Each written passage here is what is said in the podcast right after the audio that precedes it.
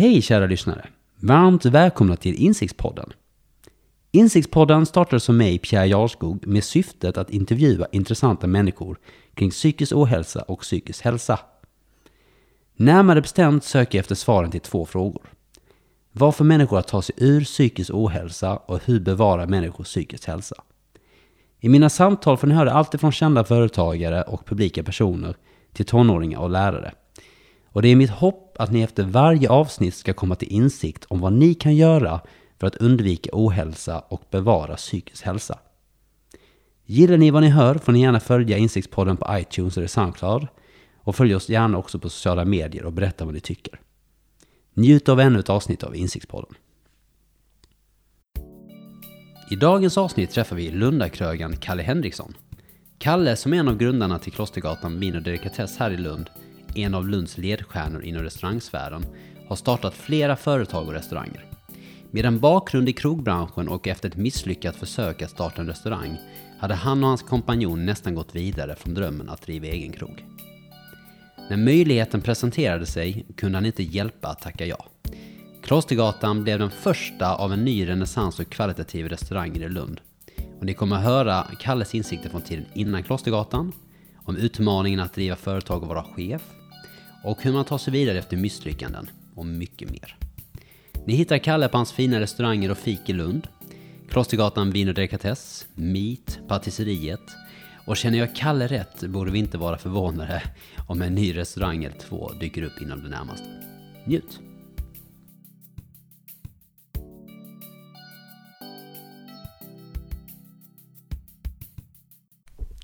Varmt välkommen, Kalle. Tack. Jättekul att ha dig här. Ehm, Jag har ju känt dig i... Jag har faktiskt nästan växt upp med dig i den här staden. För att vi var vana med att man alltid gick till Grand och sen eh, dök det upp en ny restaurang i Lund, eh, Klostergatans Vin och Delikatess.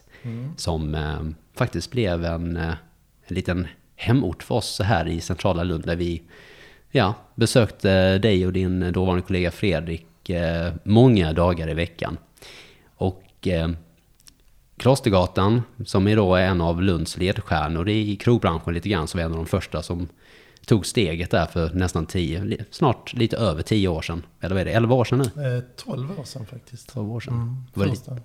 I min bild är det lite grann första restaurangen som kom till Lund efter de här gamla jättarna som varit i många år. Och efter det följde massa andra restauranger helt enkelt. Det stämmer. Så jättekul att ha det här Kalle och tack för eh, de här 12 åren hittills. Stort tack. Kul. Kalle, jag tänkte att du får jättegärna berätta lite grann hur Lundagruppen då med alla dina restauranger kom att eh, bli av. Det vill säga, Mm. hur kom du att bli, vi kan faktiskt börja ännu tidigare, hur kan det komma sig att du blev krögare?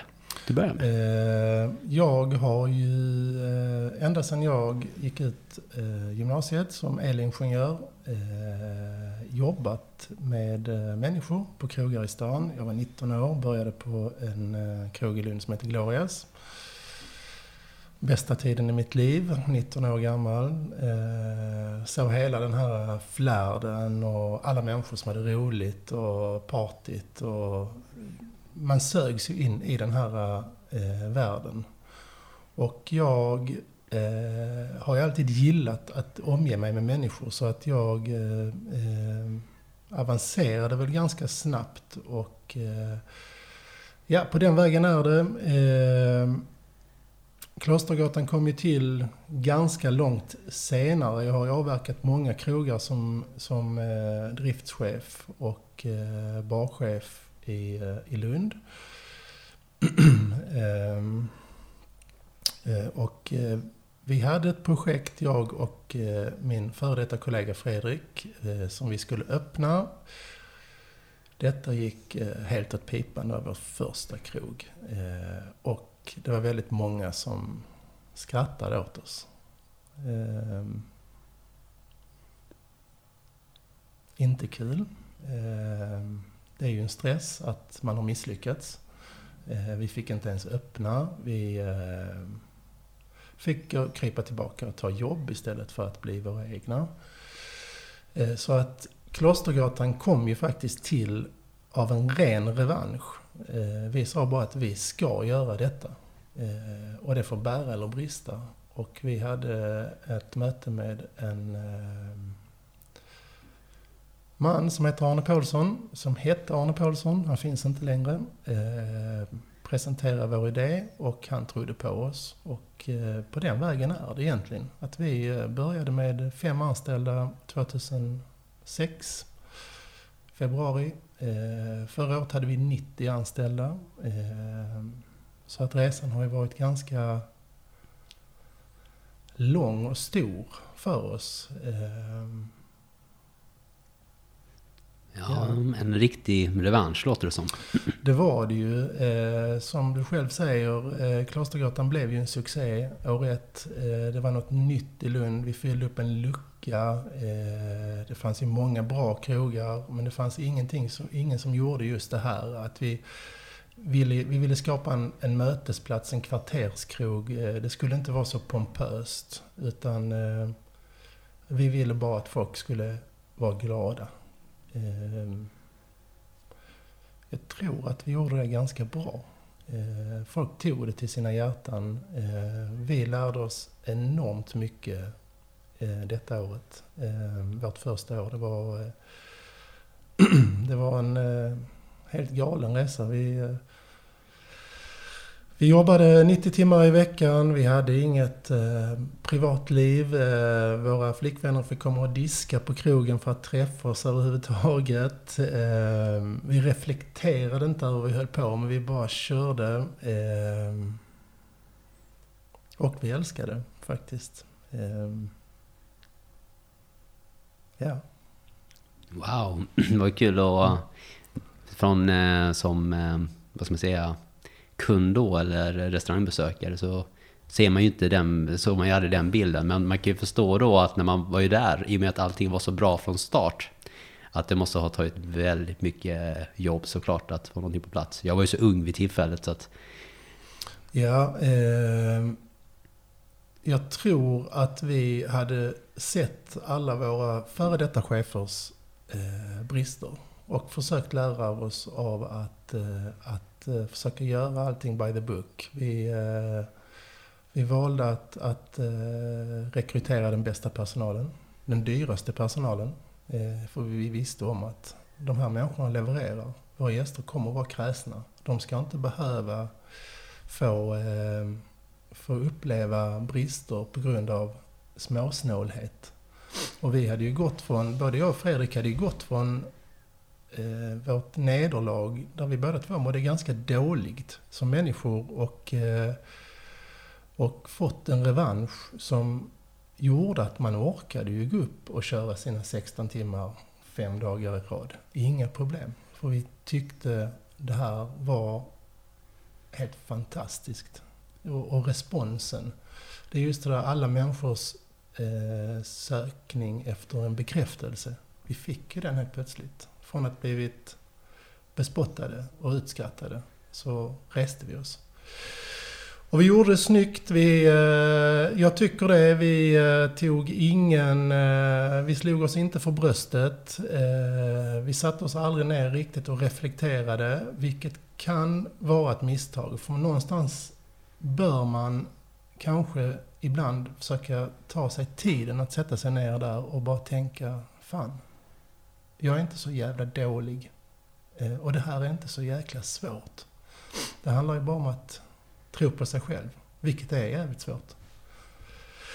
Eh, så att, och vi har ju haft många, vi har haft väldigt många människor genom åren runt omkring oss som har sagt, men då ska ni inte bara sätta er och luta er tillbaka och titta vad ni har skapat här liksom. Och jag tror varken jag eller Fredrik såg det för att vi jobbade ju. Vi jobbade, vi var ju, vi var ju anställda. Fast vi var på vår egen krog.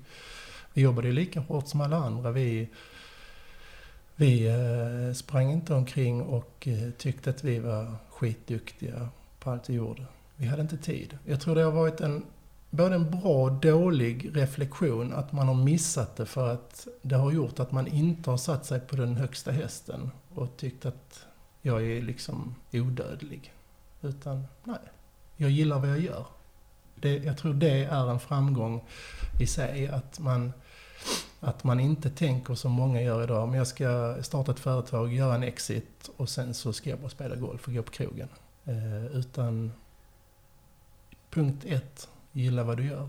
För då gillar man sig själv. Jag tror, det, jag tror livet blir lättare där. Att man slipper känna att jag måste lyckas med det här. Nej, men det gör du om du tror på dig själv. Och, och har någon form av vettig, vettig arbetsmoral och, eh, och värdegrund. Eh, sen kan, de grejerna kan ju växa fram. För att eh, sitta och, och, och säga med visst hyckleri att en värdegrund, ja men det är ingen som har en värdegrund när de föds. Utan det kommer ju av ditt umgänge och ditt umgänge kan vara din skola, ditt jobb, eh, din livssituation. Där får man ju en värdegrund. Exakt, man hör ju många framgångsrika människor i allmänhet hitta din passion och följ det och det låter ju som att det, var, det är ju det du säger, hitta någonting du gillar och så mm. kommer resten med det. Om man bara jobbar hårt också. Ja, och där, kanske ens, där ska man kanske tillåta sig med, med tiden att låta din värdegrund förändras. Den kan förändras med din ekonomiska situation. Eh, den kan förändras med dina arbetskollegor, med din ålder, att du får barn, att du inte får barn. Eh, det finns så många parametrar livet styrs av och det kommer inte vara statiskt. För då, då blir det ju... Då, då, då, då, då, du får inte tillåta dig själv att, att gå på rutin och inte försöka göra ditt bästa av din situation dag, från dag till dag. Och då, då tror jag att man har en utveckling. Sen behöver, behöver man ju inte vara... Man behöver inte vara hjärnkirurg eh, för att driva en krog. Eh, men man måste ju någonstans i livet tycka att det jag gör ska jag åtminstone försöka göra med ett visst mått av kärlek i det. Eh, oavsett hur trött jag är så, så, ehm, så är det en väldigt viktig del av att nå en framgång och framförallt må bra i den. Att nå en framgång, ja, det är inte allt. Nej, man äh, läser ju om kändisar och dylikt som... Äh, man, de har allt som våra ungdomar egentligen letar efter känns det som.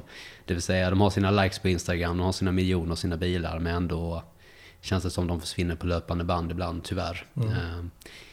Men du säger ett par intressanta grejer som jag vill bara titta på närmare. Det vi kan börja det här med värdegrund då.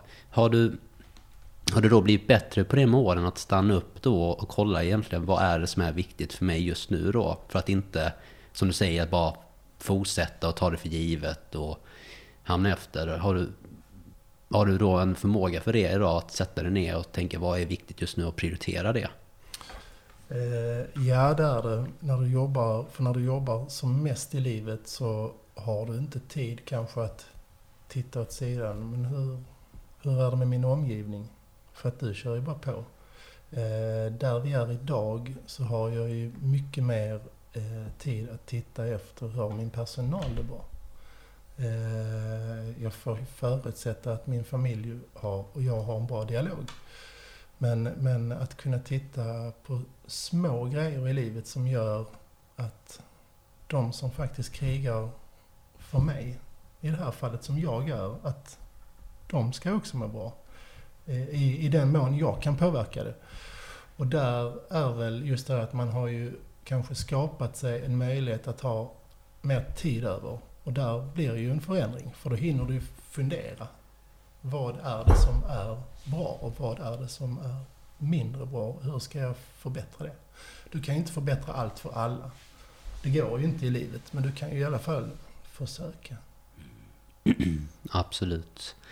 Och jag tänker då, för att du har ju startat flera restauranger vid mm. detta laget och mm. eh, det är ju kul, det är inte kul men det är intressant att ändå höra att det börjar ju med en förlust. Mm. Kan man säga. Men om vi, om vi backar tillbaka ett steg till innan där, innan du tog steget till att vilja bli din egen då. Hur, hur såg det ut? Var det en vilja ni länge hade haft att ni kunde göra det här bättre än chefen? Eller att ni hade passion för att driva er eget? Var, var kom viljan att ta sig ifrån det här med en trygg anställning till att ge sig ut på det här okända havet och starta sin egen krog? Ja, det, är svårt att säga, jag höll på att säga den sista idioten är inte född än. Men, men, eh, men eh, jag tror att i unga år så såg du ju flärden hos dina chefer. De hade stora fina bilar och de hade ju på den tiden fortfarande florerade kontanter så kunde de ha stora kontanta buntar i fickorna. Alltså, sånt spelar ju in på en 20-åring som mår dåligt där och, och kanske känner en stress av att men jag vill också ha det här, hur ska jag få det här? Sen så tror jag självsäkerheten i kombination med ett visst mått av rastlöshet eh, gör att det växer fram att, att, att eh, jag vill ha det bättre. Jag måste göra någonting åt min situation. Och den är väldigt, väldigt svår. Jag har ju varit med och startat några olika företag som jag har släppt sen. Jag har hjälpt andra och, eh, och lämnat det efter ett år. Eh, och det, och det faktum är att de företagen finns ju kvar idag. Eh, och eh, jag kan ju faktiskt gå med en viss stolthet och titta på till exempel ett kafferosteri som jag varit med och startat i Lund. Eh, som är en eh, idag en blomstrande affär och, och min före detta kollega som driver detta, han gör det här så mycket bättre än vad jag gör. Men han behövde en liten, liten skjuts på vägen. Och, och det är ju ett sätt att någonstans må bra själv. Att fan, det är någon annan som också har tagit det här steget och växlat upp det. Och fått det att växa och också gått från noll anställda till 10-12 anställda, vilket är ganska mycket för ett sånt här företag. Eh, så att det var väl en grej, både jag och eh, eh, Fredrik då, som var min före detta kollega, vi hade gemensamt ett likvärdigt synsätt på det där. Vi var aldrig giriga. Eh, vi eh, ifrågasatte aldrig varandra, vi litade på varandra, eh, vilket kanske är ett lyckoskott. För det är ingen självklarhet. Men någonting som är väldigt viktigt tror jag, att man när man startar ett företag eh, med ett gäng anställda, att man har någon som man kan faktiskt gå till och säga du, fan jag mår inte bra. Eh, och du vet varför. Då kan man liksom få den peppningen av varandra. För när man står själv, eh, är ensamt på toppen, eh, man har inte kanske ärligheten med sig, men det har man ju i en kollega. Det är ju som ett, lite som en, en fru. Man får hoppas att ens förhållande är ens bästa kompis. Och eh, jag tror det var mycket, mycket framgång för oss, att vi jobbade utan att ifrågasätta varandra och vi hade samma värdegrund. Okej, okay, nu måste vi eh, göra någonting här för att eh, det är någon som eh, behöver vår hjälp. Och det var aldrig en ifrågasättning utan då kör vi. Då gör vi detta. Och sen får det kosta. Liksom. Så kom det som en, eh, var, var det en, en rent spontan grej att vi, klart vi ska starta då krog och göra detta? Eller var det någonting som kom över åren och ni kunde inte skaka bort känslan? Hur, hur kom själva skapandet på sig till? För jag tror att många som lyssnar mm. har ju saker de, de vill göra. Man vill skriva en bok eller man vill hitta en partner eller man vill starta ett företag. Eller kanske till och med en restaurang. Mm. Vad, från det att man vill och, och faktiskt gör det, hur, hur, såg den resan ut till Klostergatan? Var det, var det en lång period eller kom det rätt snabbt? Nej, jag eh, kan säga som så här. Jag, vad det gäller Klostergatan så träffade jag en eh, man på stan eh, som var god vän med vår fastighetsägare. Och eh, vi pratade i tio minuter. Två timmar senare ringer vår fastighetsägare och ifrågasätter vem jag är och vad jag ska göra. Och vill träffa mig dagen efter. Och eh, dagen efter skrev jag ett kontrakt. Helt taget ur det fria. För jag tror jag var lite av en chock där att oj, det här går fort. Så jag vågade vara lite tuff mot honom och säga, men jag vill att du ställer upp med det här och det här och det här. Och det gick ju i, det gick ju i 300. Eh, Fredrik, min kollega, hade samma dag jag skrev det här kontraktet precis påbörjat sin, en ny kökschefstjänst. Och jag ringde honom, han hade ingen aning. Så nu har jag skrivit ett kontrakt. Och eh, det enda han sa till mig var att fan, kunde inte kommit en dag tidigare. Så han fick ju säga upp sig dag ett. Det var ju... Eh, Tufft. Ja, det var ju, det är klart, det är ju, alltså, jobbar du och du har en arbetsmoral och, och du känner en skyldighet mot någon så, så är det tufft. Men samtidigt så ska man inte ha det. Utan eh, man ska sköta det man gör snyggt. Men man kan inte styra över livet utan utan det fick bli som det blev. Och eh, för mig fanns det liksom ingen annan än Fredrik jag ville starta det här med. Och vi hade ju bara pratat om det här löst. Sen hade vi försökt eh, vårt första projekt och det dog ut. Och här gick det ett år från det ungefär. Tills vi öppnade. Men hade du, skulle du säga att ni båda två hade på riktigt gått vidare från idén om att ni skulle driva detta? Eller fanns det ändå så här att det var inte dags nu? Vi, eh, vi hade ju jobbat ihop eh, men vi gjorde inte det längre. Så per definition så, eller på, på ren automatik så var ju diskussionen lite över eftersom vi hade lämnat varandra arbetsmässigt. Och, eh, men någonstans så fanns den ju kvar eftersom det var ju honom jag ringde. Nu ska vi öppna en krog. Och, eh, och eh, det var väl kanske ett av mitt livs bästa beslut. Att framförallt att jag måste ha med mig någon. För att jag kanske inte pallar det här själv första gången. Idag kan jag göra det. Idag är jag ju inte rädd för jag vet ju om att det går att göra. Men första gången, då, ju, då ska man ju vara rädd ju.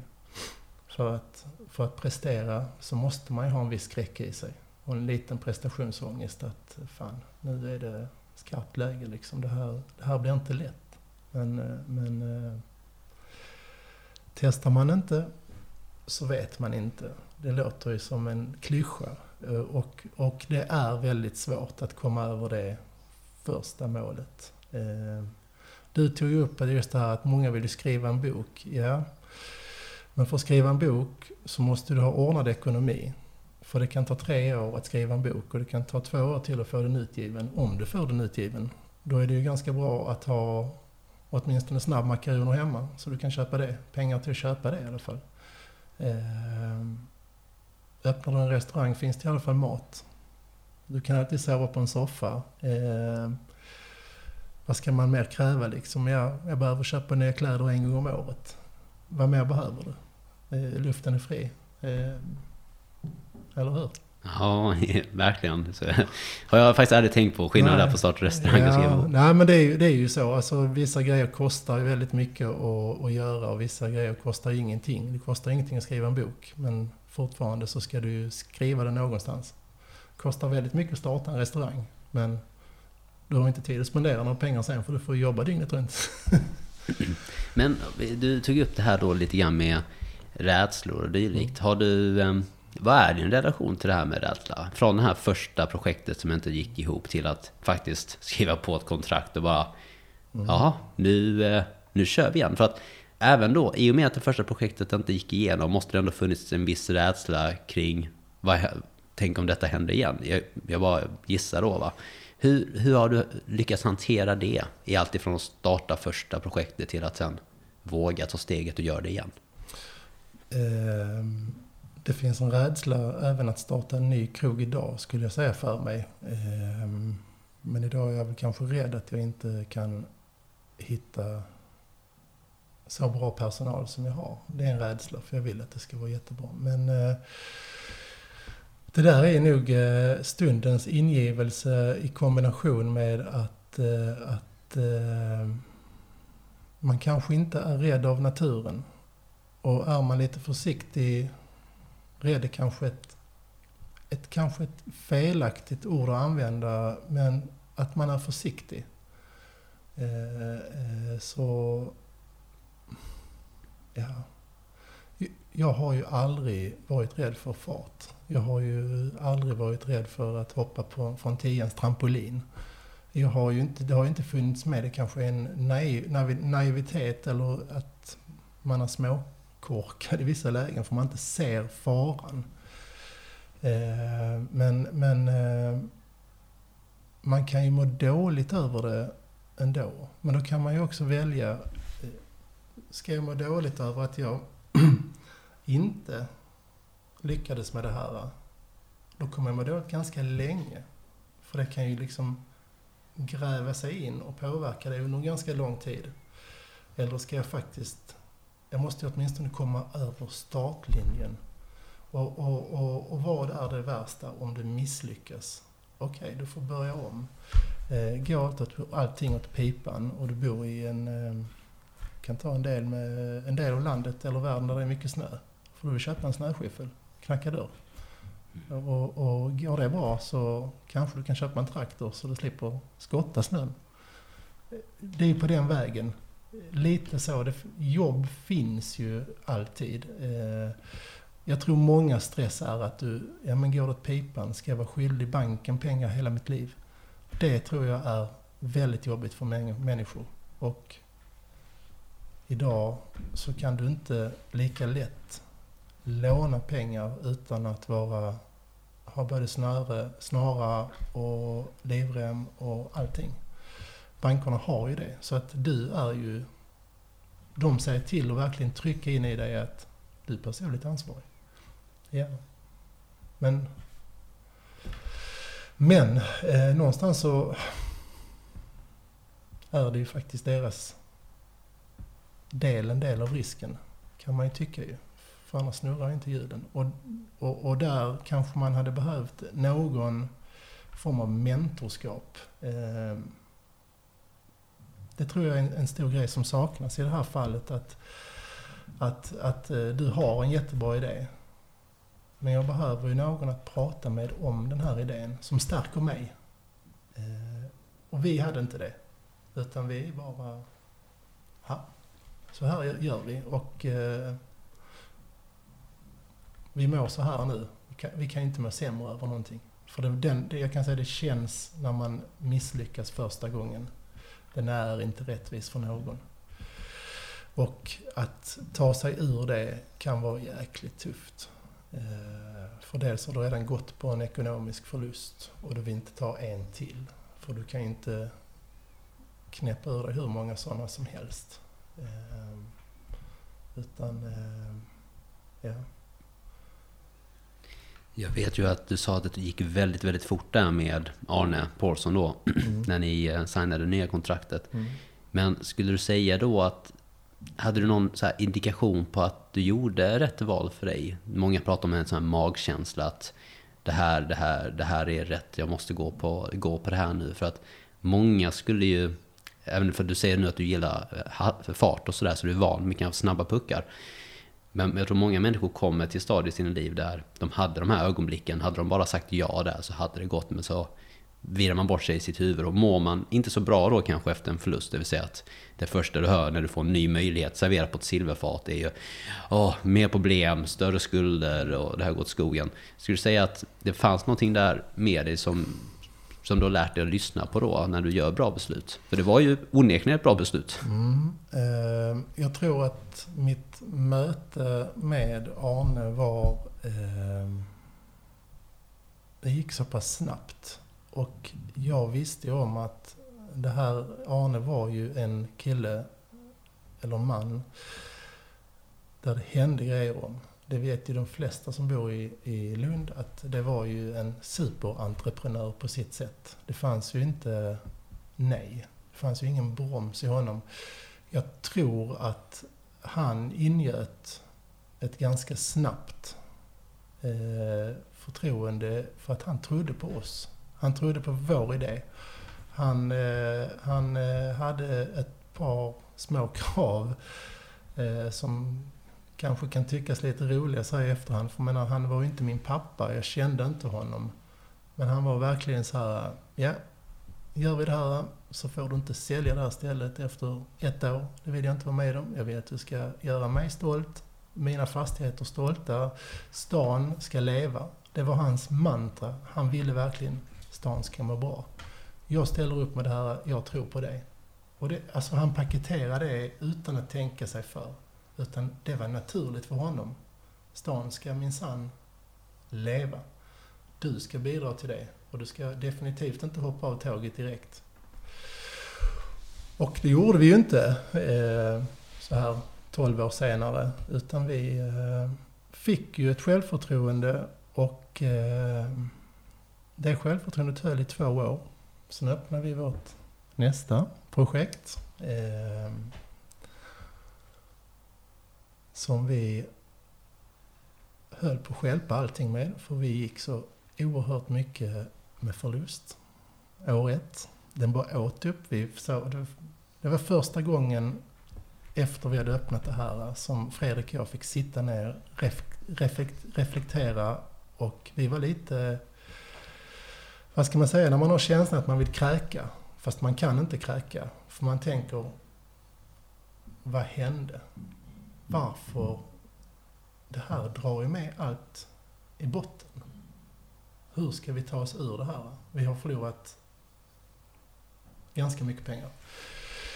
Eh, där, eh, där, där gick man ju in i en vägg igen som skrämde en.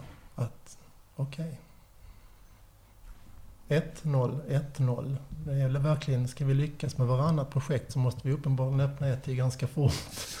eh, vi fick hjälp. Eh, vi träffade en mentor eh, som jag än idag har väldigt stor nytta av. En stor företagsledare som, som guidar oss och, och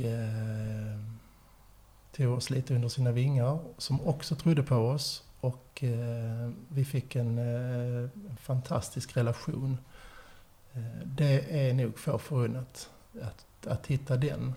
Ehm, istället för att behöva gå tillbaka till ruta ett så kunde vi gasa lite till. Och, eh, och fick ordning på detta. Men det krävdes ju, helt plötsligt var det ju ännu mer jobb. Och ännu en period av psykisk ohälsa. För det blir det ju. När man börjar oroa sig för grejer, då fokuserar du inte rätt. Det, där är ju, det är ett jätteproblem. Hur tar man sig ur eh, en, en, en ond snurr i, i ditt huvud som, som stress, en stress. Den, den, eh, den eh, är ju någonting som man, man kanske borde belysa mer i samhället. Mm, definitivt. Jag tror att ehm, just det här begreppet eh, psykisk ohälsa som du tog upp och vilket också syftar med den här podden att eh, egentligen visa det för folk i allmänhet att eh, det är stress, det är att inte tänka klart, det är att då att agera när du är som minst kapabel att agera. Vilket tyvärr, om vi tar många förhållanden eller företagare eller vad det än är, att tyvärr tar folk beslut när man är som minst kapabel att göra det för att man är där nere. Man är rädd eller man är arg, man är ledsen. Och så tittar man tillbaka och kanske tio år. Och visst, man klarar sig ändå kanske, men man vet ju vilka misstag man har gjort längs resan. Jag brukar, jag, vet ju själv, till en sån liten grej som att när eh, om man då påverkar sitt psyke med alkohol och dylikt, eh, eller man har varit eh, riktigt arg och ledsen när man varit onykter. Och man minns den här dagen efter när man läser sitt sms. Åh nej, vad gjorde jag? Hur tänkte jag där? det har ju de flesta varit med om. Och psykisk ohälsa blir ju lite grann på samma sak. Det är bara att tyvärr så är det ofta koncentrerat då i längre perioder och att man fastnar i de här jobbiga tankarna. Mm. Men hur då med att gå igenom så flera sådana perioder då, det vill säga små nederlag då, även ifall saker och ting kanske går bra på andra ställen. Du, hur hanterar du den stressen idag? Har den här mentorn varit viktig där eller vad, vad, vad föreslår du att har fungerat för dig? Eh, jag för, alltså nu, nu har vi ju haft, jag hade ju det här flytet att ha kommit i kontakt med den här mannen genom vår verksamhet och eh, och eh, jag kan skicka ett sms vilken tid som helst på dygnet. Eh, jag får ett svar, jag får ett svar som är ganska lugnt. Jag kan ringa, jag ringer inte mitt i natten, men jag kan skicka ett sms. Jag tror att hela den här eh, grejen med att ha någon som kanske inte är din familj eller din bankman eller din advokat eller vad det nu är utan någon som bara är ett bollplank. Och, eh, och jag tycker ju att vi som är företagsledare idag måste ta lite sådana här personer under våra vingar och skapa tid, sätta av tid och ha tid och vara intresserade. För att jag tror då har vi ett samhälle som kommer att se bättre ut. Eh, du behöver inte ha psykisk ohälsa för vi kan, vi kan ju ta det. Det kan ju, genom, det kan ju komma från alla håll och kanter. Om du är egenföretagare, du är anställd. Eh, ja, vad som helst. Men det, det, har du ingen att ringa eller prata med eller bara skicka ett sms. Jag lever. Lever du? Ja, det är klart jag gör. Vad ska vi göra? Ska vi ta en kopp kaffe? jag tror den, den biten skulle vi kunna komma ganska mycket längre på om folk hade varit lite mindre egocentriska. Att faktiskt göra någonting som känns bra mot någon annan. Ehm. Och, och, det handlar inte om ekonomiskt bistånd. Det handlar ju inte... Det handlar om att ha tid. Faktiskt. Ha tid för någon. Och du kanske inte alltid får det svar du vill ha. Det ska du inte ha. Du ska få ett svar från någon som ser din situation ur gästens synvinkel, säger vi. Ur en annan synvinkel, ur sin egen synvinkel. Den tror jag är viktig. Och något som är ganska kul är, nu pratar jag att jag har träffat många, jag har ju många ganska, ganska mycket äldre människor med som mentorer. Men jag har ju en jäkla input från unga människor i mitt företag. Jag är 44 år gammal, jag har anställda som är 17 år. Och det är ganska häftigt att lyssna på någon som är 19 år gammal och har eh, till exempel styrt ihop ett spex. 19 år. Det är att sätta ihop ett spex. Men det är ju 100 pers du ska få dansa. Du är ju en spelmotor. Klappar den personen ihop, ta en handbollsmatch. Du kan vara helt överlägsen andra laget. Men klappar din mittnia ihop, eller din spelmotor, så klappar laget ihop. Han måste försöka hålla sig. Men han måste också ha hjälp ju. Han måste ju ha någon annan spelmotor i sitt liv. Alla behöver ju det. Det finns ju ingen som kan säga, men jag är Gud. Det finns inte en chans. Utan du måste ha, tror jag, jag tror hela, hela samhället bygger på att, att du måste ha en trygghetspunkt som man kan bara kräka av sig på, be om ett råd, eh, bjuda på en kopp kaffe, ett glas vatten. Få fem minuter med. Då kommer du över det. Om du kan få det kontinuerligt. Definitivt. Jag tror att det ligger nog så mycket visdom med att bara inse att vi kan inte göra allting själva. Att det finns ett stort värde verkligen att eh, tidigt att hitta kanske din visa person i ditt liv oavsett som du säger en eh, kompis eller någon du ser upp till eller någon som bara råkar vara där och lyssnar. För att anledningen varför terapi och coaching och mycket annat kan fungera ofta det är bara att man får ut sig mycket av sina rädslor och det man tycker är jobbigt. Och så plötsligt står du där och du har en person mitt emot dig som inte är vettskrämd, precis som du då råkar vara i ditt huvud när du går runt och bearbetar allt detta. Och att ofta det kan bara vara steget att ta, att fortsätta på resan. Och jag vet, jag har haft stor nytta av det också, för jag har haft eh, mentorer och coacher genom eh, de senaste tio åren i alla fall. Och när jag då som mest tvekat på en idé eller om jag ska göra något så har det ju varit guld värt för mig att höra någon annan som bara, men hur tänker du där Pierre? Vad, så ser inte jag alls på saken. Eller som någon som bara är lugn när jag har panik. Mm. Att det, jag kan se att det har gjort så stor skillnad för mig. Så att jag tror absolut det här med att ha en mentor i sitt liv som du säger. Um, oavsett om du är företagare eller privatperson eller anställd. Man ska nog inte glömma bort sina vänner och man kan ha en, en annan typ av konversation än man kanske alltid har. Ja, och du kanske eh, du kan ju ta din bästa vän och så kanske, men vänta lite, jag gillar hans föräldrar. Du, jag tror de flesta föräldrar skulle tycka det var ganska hedersamt att bli tillfrågad, kan du hjälpa mig här? För att det känns som att du kanske kan det här. Och, eh, och eh, du kan ju ha mer än en mentor, för folk är ju duktiga i olika gebit. Liksom. Vissa är bättre på psykologi, vissa är sämre. Vissa är bättre på att bara ge någon en spark i stjärten liksom. Nu ska du bara göra det här för att det här kommer ju hålla liksom. Medan vissa kanske ska analysera det och det kan du behöva. Sen, eh, sen ja, du, ja, vi är ju båda två, vi har ju sett en del i livet. Vi har ju som sagt följt varandra så att vi, eh, vi har ju sett varandra eh, eh, i olika vinklar. Och, och man lever ju olika liv. Det som du säger, du var inne på för en stund sedan, ja okej okay, jag är stressad, ja, men jag tar, jag behöver dricka lite. För att då slappnar jag av. Ja, fast du lånar ju din tid av morgondagen, som du själv nämnde innan. Du, du, du, du, du, dö, du dödar ju hela morgondagen och ångesten kommer ju komma igen. Eh, däribland kanske det är ingen som säger att ja, men det är, du ska inte dricka. Det, ja, du kanske behöver det, vad vet jag. Eh, men, men, eh, men du måste ha en, du måste finnas personer i ens liv som, som, eh, som kan ta ner dig på jorden eller skjuta upp dig i rymden. Det, det, det är liksom att man vågar gå till någon. Att man vågar komma över den här spärren att jag är inte bäste dräng här.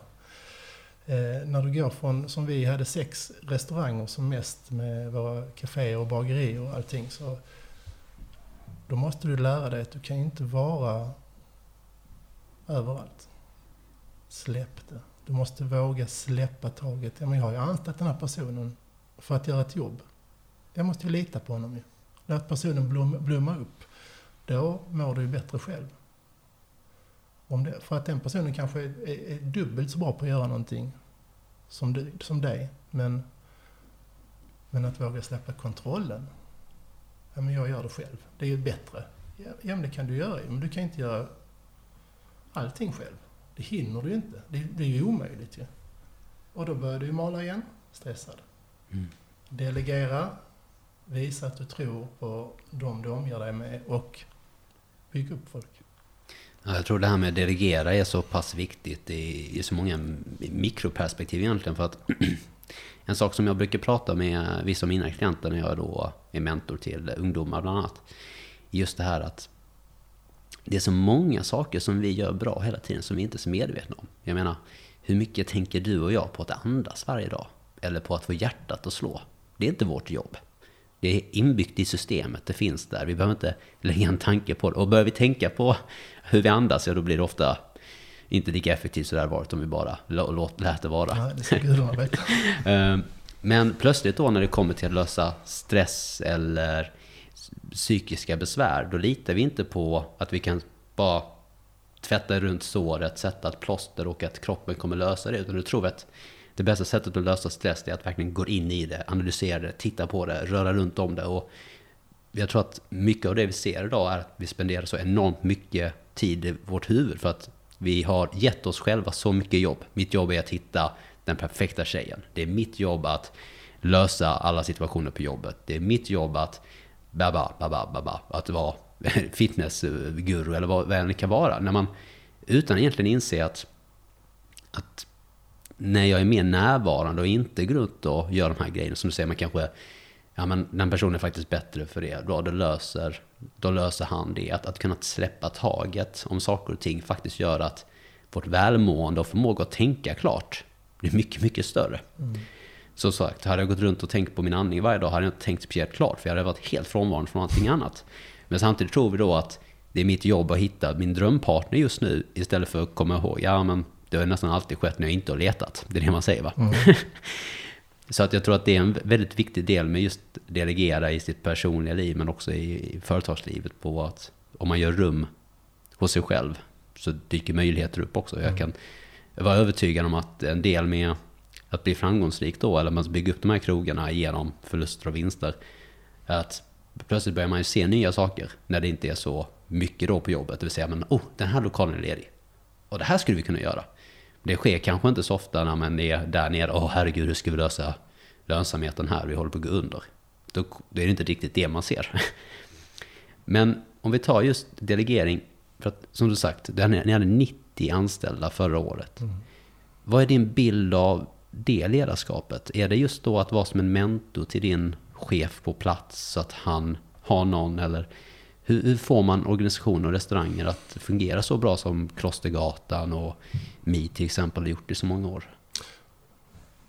Att vara där så lite som möjligt, höll jag på att säga själv. Men nej, skämt åsido. Eh, jag har ju en ganska stor administrativ roll idag. Eh, vi har ju rekryterat eh, ledare och eh, de har ju ganska klara direktiv. Eh, jag säger att jag kan vara en väldigt dålig chef i vissa fall. Eh, det, det ska man väl... Eller för vissa människor, man, man hinner ju inte någonstans eh, ta sig tid för alla människor. Men du måste svara i telefon och du måste ha tid om någon kommer till dig. Sen har man inte alltid tid att leta upp någon och säga du, hur mår du idag? Även om det tar 30 sekunder i, i förbifarten. Eh, utan eh, jag tror man måste våga lita på att de cheferna du har anställt, att de sköter detaljerna. Och så kan man själv försöka eh, kratta manegen så att det finns resurser eller direktiv att gör så här, gör ett misstag. Världen går inte under om du gör fel. Herregud, det är bara att göra om. Eller vem säger att du gör fel? Eh, du kanske gör som jag inte har tänkt. Det är inte fel. Du har bara gjort som jag inte har tänkt. Men min målbild är kanske fel. Eh, jag tror att vi, eh, vi valde att vi valde att ta bort oss som, som lexikon eller som den som sitter på mest kunskap ganska fort. För vi omgav oss med folk som var supervassa på vin, eh, enormt duktiga matlagare etc. etc. Och istället försökte vi bygga ett lag som tyckte om att arbeta med varandra. Det var nog vår huvudsyssla.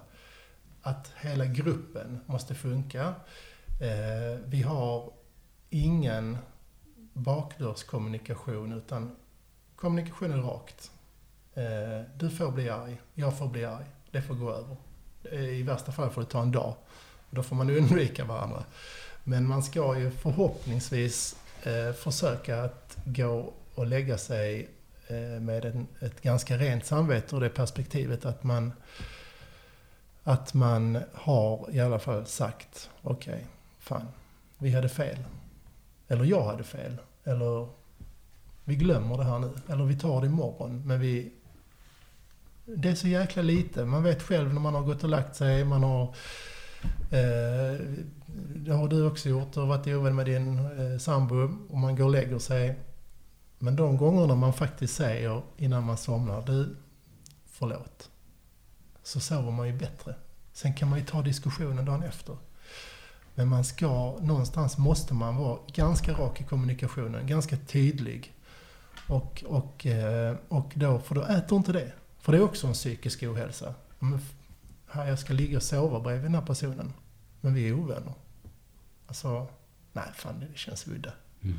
Det, känns inte, det känns inte bra. Och bråka gör man. Alla bråkar. På arbetsplatsen bråkar man. Men eh, eh, man kan bråka om en målbild man har som, som, eh, som eh, man har olika sätt att se på. Men båda vill ju till det bästa. Och det är där det handlar om att se till att Bygg ett lag som fungerar, som arbetar mot ett och samma mål. Klassiskt restaurangbransch förr i tiden. Kök, kök mot serveringspersonal. Det var ju två lag mot varandra. Katastrof. Det finns inte i vår verksamhet. Det är ett lag. Här är gästerna och eh, de ska vi se till att vad som än går fel, vad som än inte är bra, så rättar vi till det och gör det bra. Lyckas inte alltid, men vi lyckas nio av tio gånger, mer än det. Eh, och då har du också en mindre friktion på jobbet. Färre människor mår dåligt. Jag kan vara ganska hård och tuff och, och ganska svår att knäcka, om man säger så. Men det är inte alla andra som är det. Vissa kanske mår extremt dåligt över att man kan vara lite burdus. Fast det är inget mening, utan det är bara rak kommunikation. Men den måste man tänka på. Att, att, eh, att, eh, att den där personen har mer mjuka värden än jag. Det måste jag ha lite respekt för. Och det får man lära sig på vägen. Att, att eh, ja, jag, jag, hade, jag hade inte fel. Men jag får be om ursäkt. För att jag framstod som en superidiot här. Och då mår ju den personen faktiskt bättre. För att någon har visat sig mänsklig. Och jag tror att det, det gör livet väldigt mycket lättare för framförallt den personen som i det här fallet då mår dåligt. Eh, att få en bekräftelse på att okej, okay, min arbetskamrat kanske är lite klumpig. Men han har kanske ett gott hjärta. För att du ska inte må dåligt på ditt jobb. Du ska inte må dåligt i ditt privatliv i onödan. Det finns ju ingen mening. Mm. Du blir inte kreativ. Eh, din skjorta blir inte renare. Du, eh, din mat blir inte godare. Eh, solen kommer att skina men ja, du kanske inte ser den. Jag, jag vet inte. Jag, det, det här är ganska lärorikt för mig också att sitta och prata om det här. För det här är intressant. Jag kanske, jag kanske har en bättre dag på jobbet eh, idag. Vi får väl tacka dig för, för detta sen Pierre. Men, eh, men det är ju eh, det är jäkligt spännande att, belysa det. Jag tror att det du säger är så enormt viktigt för oavsett om det är par eller anställda eller eh, folk som driver företaget. Just att, som du egentligen säger, att eh, saker och ting ser så väldigt mycket bättre ut och vi är så mycket mer kreativa och mycket större förmåga att arbeta med våra talanger när vi mår bra. Mm. Så att bara bekräfta en person och be om ursäkt ibland, även om man kanske hade rätt i sak, så kanske man har framfört det på ett ineffektivt sätt för att locka fram den här personens bästa förmågor. Som ändå är ditt jobb som företagsledare då kan man säga. Eh, och jag vet ju själv i mitt eget förhållande och sådär att man, man säger saker och ting på fel sätt ibland. Och eh, en bra sak du sa just det där när man kanske är irriterad på varandra när man ska gå och lägga sig. Det är att, ja, säg att eh, du älskar henne, somna, gör ingen stor grej. För dagen därpå när man vaknar, saker och ting ser så mycket klarare ut. Man vet nästan direkt att, åh, älskling, jag ber om ursäkt för jag var så barnslig. Eller så minns inte någon av nästan vad man bråkade om. För att, för att det var en tillfällig tanke som man trodde man var tvungen att göra någonting åt. Jag båda två kan ha insett att ja, men det var ju en banal grej vi bråkade om. Varför blev det så stort? Och ofta är det ju banala grejer. Det är inte så ofta ett förhållande bråkar om eh, var man begravde grannen, nej, men lite överdrivet sätt va. Utan ofta det, det, det är kommunikationsmissar. Och att, eh, att komma ihåg att vi är mänskliga där och att vi inte tar våra bästa beslut på dåligt humör. Ja, och framförallt just det, just det som, som du säger, vi är ju människor. Vi är ju inte programmerade som maskiner, men vi är programmerade som människor. Vi har ju en program, inbyggd programmering om att vi ska vara på ett visst sätt. Men vi är fortfarande konstnärer. Eh, en maskin har ju bara ettor och nollor. Vi har ju lite mer, eh, lite mer förhoppningsvis innanför skallen som har lite mer emotionella grejer i sig. Eh, men jag, jag, tror också det att, att det, det, det, blir inget kreativt av att vara ovän. Utan man kan vara oense.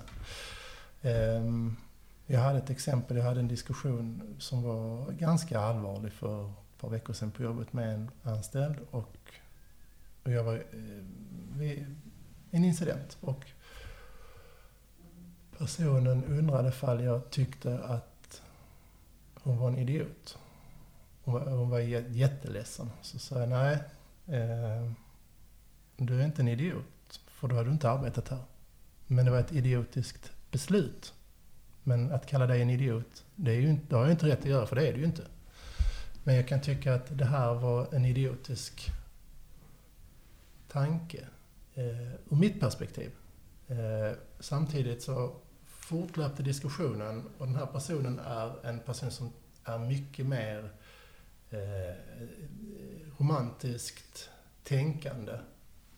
Någonstans på vägen så inser jag ju att hon har ju gjort rätt.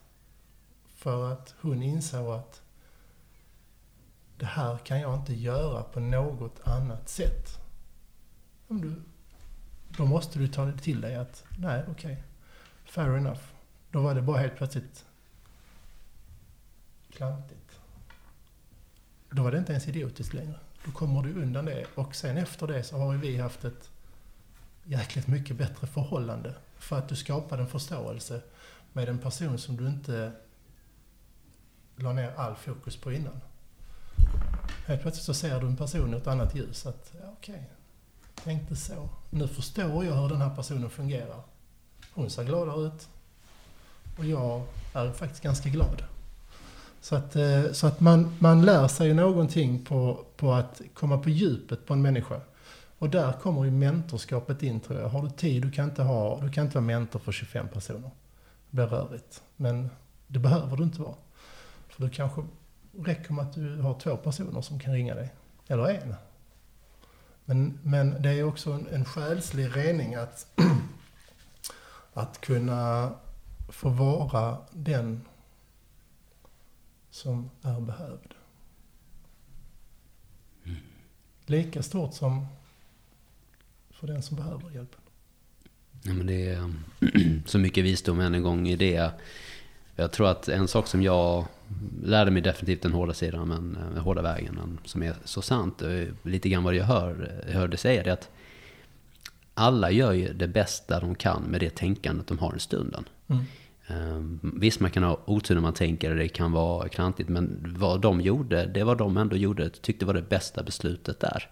Och i många människor som har gjort mig olyckliga, så har jag också insett då i efterhand att, ja, det, det är trots allt så att det var inte det ur det mest illasinnade tänkandet som de gjorde så de gjorde mot mig, utan det såg ut att vara rätt beslut för dem i just den stunden. Att antingen att vi inte skulle vara tillsammans längre, eller att säga nej, eller vad det än kan ha varit som träffar mig personligen. Att, att minnas både hur det känns att stå på andra sidan av någon som gör det bästa de kan i stunden, men också veta hur ofta jag gör samma sak. Det vill säga att jo, jag tar inte alltid rätt beslut heller, men baserat på det jag såg just då så kunde inte jag agerat annorlunda kanske. Men för varenda upplevelse där så vet man att man kan ta kanske ett steg tillbaka i det. Ser jag detta helt klart. Mm. Men eh, så sant. Och sen så finns det ju ett, man, man säger oftast att eh, men, men det här är fel. Det här är fel. Det här är fel. Nej men, du får kanske fundera lite på ditt ordval. Jag tycker att det här är fel. Och min vinkling. Det behöver inte vara fel. Jag fick den eh, av en god vän. Han sa, du kan inte säga så. Det är fel. Du kan säga, jag tycker att det här är fel. För då har du någonstans, i alla fall, mötts lite på diplomatinet. Jag tycker det är fel. Men det behöver inte betyda att du tycker det är fel. En insikt. Men, men om du säger till någon, du har fel. Ja, fast nu är du väl ändå lite okänslig. Du har fel. Det har inte du med att göra. För att det är inte du som ska avgöra ifall jag har fel. Då får vi ta någon domstol till att avgöra det. För att det kan inte du avgöra. Jag gör det bara som jag tycker. Passar inte dig. Ja, nej, och eh, vi ska börja avrunda med de orden också. Men det bara slår mig när du säger det att tänk hur stor skillnad det har varit på alla problem vi har i dagen. Om människor som är, inte gillar varandra skulle gå ifrån du har fel till att jag tycker att du har fel. Mm. Det är en väldigt stor skillnad på hur man ska kunna komma någon vart. Mm. Det är väldigt svårt att förändra på en person och den personen kan ju tro att det är något person, alltså en, en stor risk, en sak som jag tenderar att se i ungdomar om mig själv, eller människor i allmänhet, är att man i en sån händelse är det lätt att tro att det är någonting fel på mig då. Och det är mm. väldigt svårt att laga någonting som är fel på en. Men att lösa någonting där det faktiskt är, nej, den här personen såg saker och ting annorlunda. Eller det är någonting vi kan arbeta med. Det förändrar hela bollplanen, att från du har fel till att jag tycker att du har fel. Ja, och sen så tror jag att många, och, och om den här podden också, den här podden belyser ju den ska ju ändå belysa, om man säger många människor som är unga, som eh, tycker livet kan vara jobbigt av olika sätt. Så är vi ju, jag är ju uppväxt i en, det låter som man är 300 år gammal, men Facebook är ju inte en jättegammal grej. Ehm, jag har ju sett Facebook födas i vuxen ålder liksom. Och eh, när man ser hur, ja, nu är det sportlov, åker alla skidor. Nu är det jul. Är alla på Barbados? Fan, varför är inte jag på Barbados? Men om du har tusen vänner på Facebook så är det 20 som är iväg och reser hela tiden. Men det är ju klart det är deras bilder du ser. Och all god restaurangmat. Jag, jag lägger upp mina Instagram-konton. Jag gör ju dem genom företaget. Men de länkas ju på Facebook-konton. Inte en chans att jag sitter och äter oxfilé och hummer varje dag. Nej, nej, nej, nej. Jag äter falukorv, fiskpinnar. Eh, jag äter vad som serveras i mitt hem. Mina barn äter all mat som serveras. Eh, den där ingivelsen att Gud vad alla har det bra. Gud, har alla det här? Kan alla göra det? Är det ingen som arbetar? Är det bara jag som arbetar? Den stressen, för det där skapar en ohälsa. Och den måste man någonstans komma underfund med att jag vet ju som, de, som unga människor, det, nätverket hos unga människor är ju större än hos oss. Eh, för att Snap, Facebook, bla bla bla, allting finns och alla gör grejer hela tiden. Men det gör ju inte alla hela tiden. Skriv ner en dagbok, okej okay, nu åkte den och den och den skidor. Men de lägger ju 12 bilder om dagen på det här ju. Ring dina vänner, kolla vem är hemma. Majoriteten är hemma. Eh, och jag tror det där stressar folk. Att jag vill också ha det så här bra liksom. Det är klart man vill. Jag skulle också åka skidor. Gärna 49 veckor om året och fått bada tre. Men jag inser att det blir ju inte riktigt så. Och, och jag tror det är, det är väldigt viktigt att tänka på den.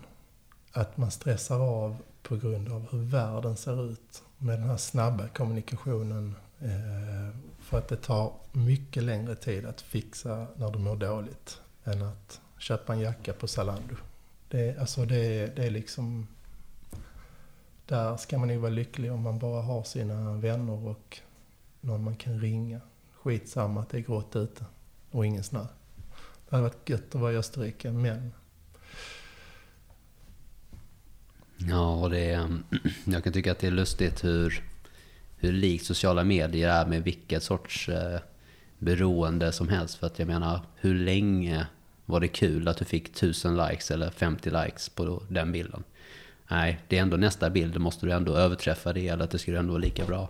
Just det. Och så är du inne i samma råtthjul som en, en företagare som inte tror att han kan skapa värde imorgon och måste tjäna så mycket som möjligt på det kapitalet han har just idag. Och så har vi girighet eller någon som känner sig tom och måste ha sex varje dag eller vad det än kan vara i olika beroenden som vi människor hamnar i. Det är, det är viktigt att veta att, lite grann som vi sa, att kroppen tar hand om ett sår. Mm. Kanske är det inte hjälpsamt för dig att spränga huvudet fullt med saker och ting som du tror att du borde ha i ditt liv istället för att vara lycklig. Utan kanske ta en paus från det. Som du sa, träffa dina vänner, de som är hemma. Ehm, kanske har en vis person i ditt liv som du kan prata med. Och var inte, var inte rädd, du är inte ensam i det heller. Det tror jag också är så viktigt att vi alla, alla har de här olika tankarna och idéerna om hur saker och ting borde vara och inte vara. Alla har det. Mm. Ja, det, det, är sant. Och, och, just att våga ställa frågan. Jag, jag behöver den här hjälpen. Vem ska jag välja? Men jag vill inte välja någon i min närmsta krets. För att det är känsligt. Mm. Ta någons förälder. Jätteviktigt. Ta någon annan. Det finns alltid en, en, en person som kan någonstans inge trygghet hos dig. Kalle, det här har varit eh, mycket, mycket roligt för mig. Framförallt i och med att vi faktiskt har fått, jag har fått växa upp kan man säga med Klostergatan och följt den resan. Det var väldigt lärorikt. Det var insiktsfullt för både mig och lyssnarna definitivt att höra dina, dina idéer och tankar om hur saker och ting har kommit att bli. Men jag tänkte om du ska lämna de som lyssnar med någonting. Kanske bara något, någon insikt du har kring vad de vad de skulle kunna göra här från och med nu efter mm. samtalet. Det vill säga det kan ju vara den här som vill starta sin krog eller som vill i det förhållande skriva den här boken, vad det än kan vara. Vad, vad skulle du lämna dem med? Jag skulle nog säga att man ska ha eh, Naturligtvis måste, det här är ju, låter, det har ju sagts 10 000 gånger att ja, men våga tro på dig själv. Ja, självklart. Eh, jag, jag, jag går förbi det steget. Jag, jag skulle nog säga som, som så här snarare att ha inte så brått. Eh, jakten på likes, nej, alltså det kommer. Det är, någonstans så är du 20 år, du, har ju, du ska ju ha 50 år till att leva, 60 också kanske, men det ordnar sig. Någonstans så ordnar det sig. Du, du, det är ingen som vet när de är 20 år, nu ska jag göra det här, ska jag öppna en krog, så ska jag ha 20 krogar om tre år. Nej, jag har inte brått. Testa. Alltså, herregud. Man måste kyssa många tjejer i livet. Eller killar. Vilket man nu föredrar. Men, eh, men, eh, men eh, alltså just att våga fråga någon och ha inte så himla brått. Jag tror, det, jag tror det ligger ganska mycket i det, att det finns alltid någon som kan mer. Och som har förhoppningsvis tid att lyssna. Och hittar man ingen får man, då, får, då har man letat på fel ställen. Men just att ha inte så jäkla brått. Eh, jag har, jag har haft brott. Eh, jag har inte så brått idag. Jag är rätt nöjd med vissa grejer, även om jag gärna vill öppna en krog eller två till. Men, eh, men, men har inte så brått. Det, jag tror det är det. Och våga ta en mentor till hjälp i livet. Det är nog mest det jag kan reflektera tillbaka på. Ehm, sen är det vissa förutsättningar du just, du måste ju tro på dig själv någonstans. Måste det finnas en liten tanke att ja, men jag kan ju det här. Ehm, ja. Mm. Stort tack Pierre. Tack själv Kalle. Jätteroligt att du kom. Tack för det här stora nöjet. Tack.